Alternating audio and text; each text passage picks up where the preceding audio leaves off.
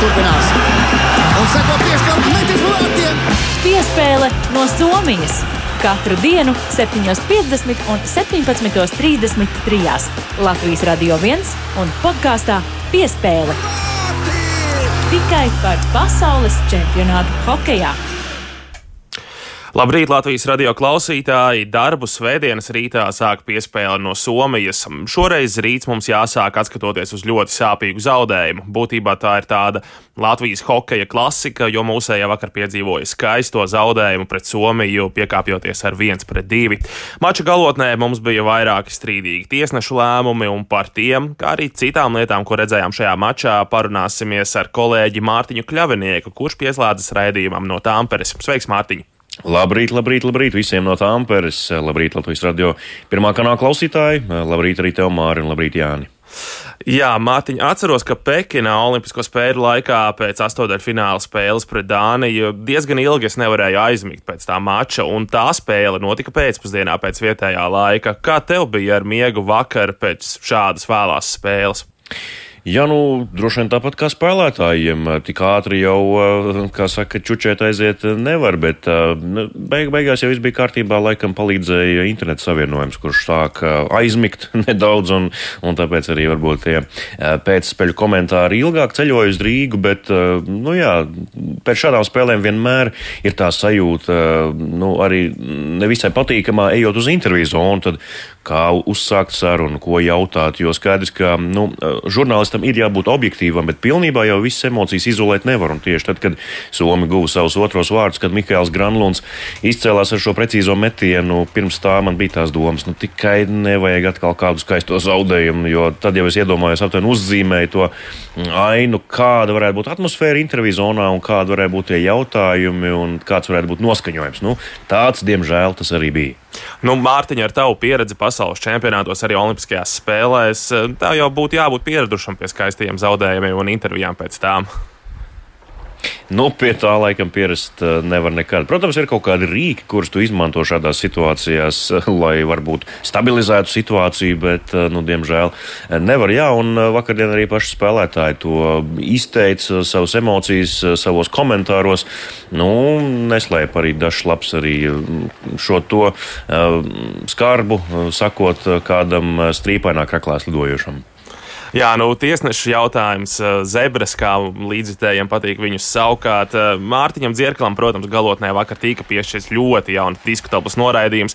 To varēja arī nedot, pilnīgi mierīgi tur varēja nedot noraidījumu. Taču, nu, domāju, ka ir jāsaprot arī pašiem spēlētājiem tas situācijas konteksts šajā brīdī, jo Latvija spēlē pret vienu no lielākajām un arī tiesnešu cienītākajām hokeja nācijām - Somiju. Mēs spēlējam viņu laukumā čempionātā, kas notiek Somijā.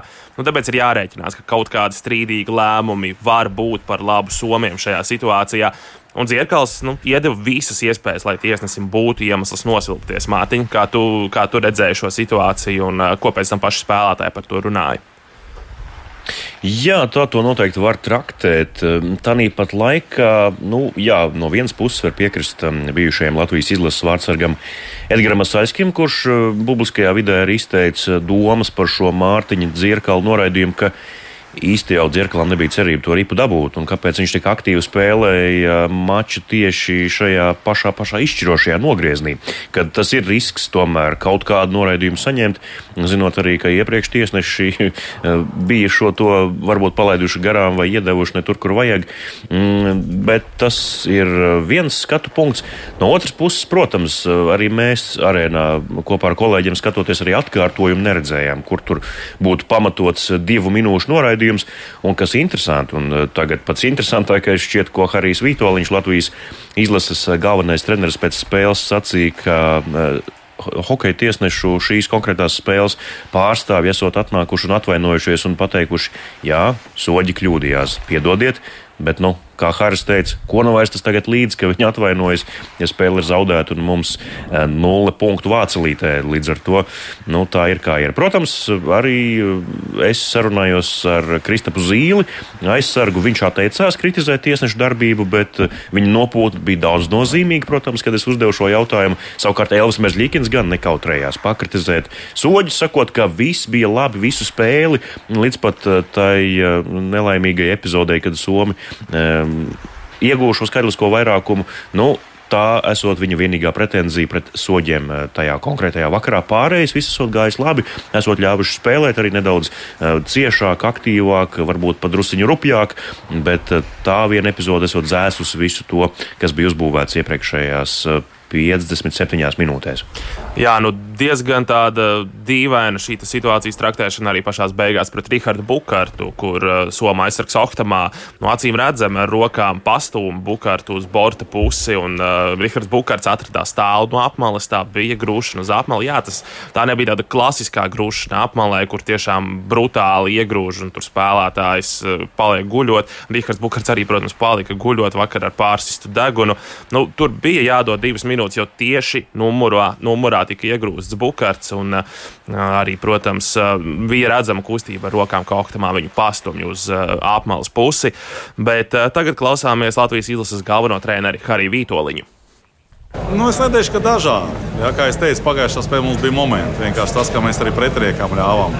Kā jau teicu, mazliet somu spēlē, mazliet savādāk hokeja, kā mēs redzējām. Ja vairāk taktiskā spēle gāja šodien ar Somiju, kur es uzskatu, ka taktiski mēs nospēlējām ļoti labi. Ļoti, ļoti labi izveidojām video, un praktiski viņi neko ne, neiz, neiztaisīja no, no taisnā uzbrukuma. Ja? Nu, teiksim, bijām pelnījuši šodien vienu punktu. Vismaz papildai bijām pelnījuši. Kā mēs redzējām, mēs līdz beigām mums bija lasa pretuzbrukuma, mums bija iespējas arī trešā trešdaļā, kad Balsers ar Džeriņu izgāja. Ja? Nu, mazliet veiks, mazliet precīzāk pielikt. Ja? Tā kā spēle gāja līdz, līdz metienam jā, jāvērtē to, ka mēs spēlējam pret olimpiskiem čempioniem. Jā, mēs eh, nekur praktiski viņam nezaudējam, ne divcīņās, ne ātrumos. Jā, ar Mārtiņu pēc iepriekšējās spēles mēs nedaudz pakritizējām Elvimers Liki. Nu, bija arī iemesls Elvim ne tā labākā spēle pret amerikāņiem, bet vakar viņš izskatījās krietni mierīgāks, nosvērtāks nekā tajā spēlē. Elvis, nu, vismaz cik no es saprotu no vārdsargu spēles hokeja, vakar nedarīja neko lieku, spēlēja precīzi, augstasinīgi, arī ķēra spēcīgus metienus cimdātāji, kā tas būtu pilnīgākais sniegs. Ko viņš pats vai treneri teica par šo izšķirošo somu vārtu guvumu, kad Mikls Granlunds trāpīja? Nu, tas tomēr tomēr ir tuvais stūris, un tuvais stūris ir vārdsargs stūris. Uh, Granlunds tik labi trāpīja, vai Elvis tomēr bija atstājis mazliet vietu tur uh, kaut kur pie tuvā staba? Konkrēti ar Elviju nesanāca parunāties par to vārdu zaudējumu, bet eh, Kristaps Zīle, ar ko es runāju, sacīja pavisam vienkārši. Izcils metiens Džekam paveicās, es tagad citēju, ja? bet eh, nu, tā bija, jā, nu, lielisks metiens un trāpījums.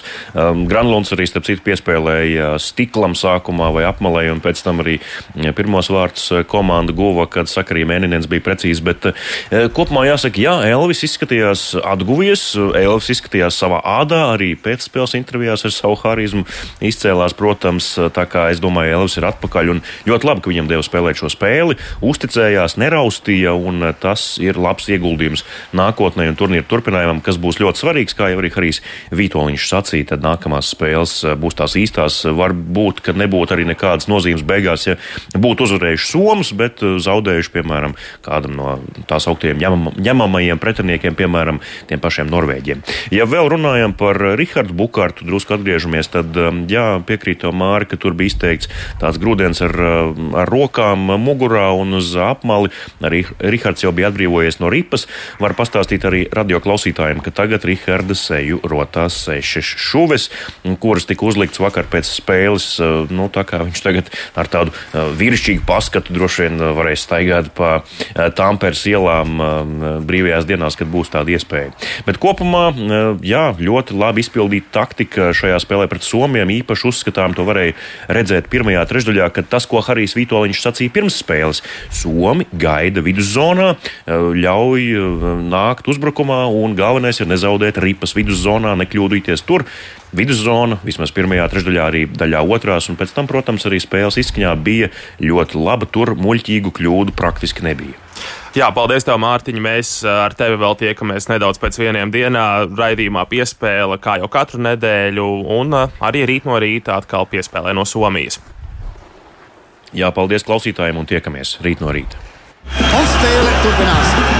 Un seko piespēle metis vārtiem. Piespēle no Somijas. Tikai par pasaules čempionātu hokejā.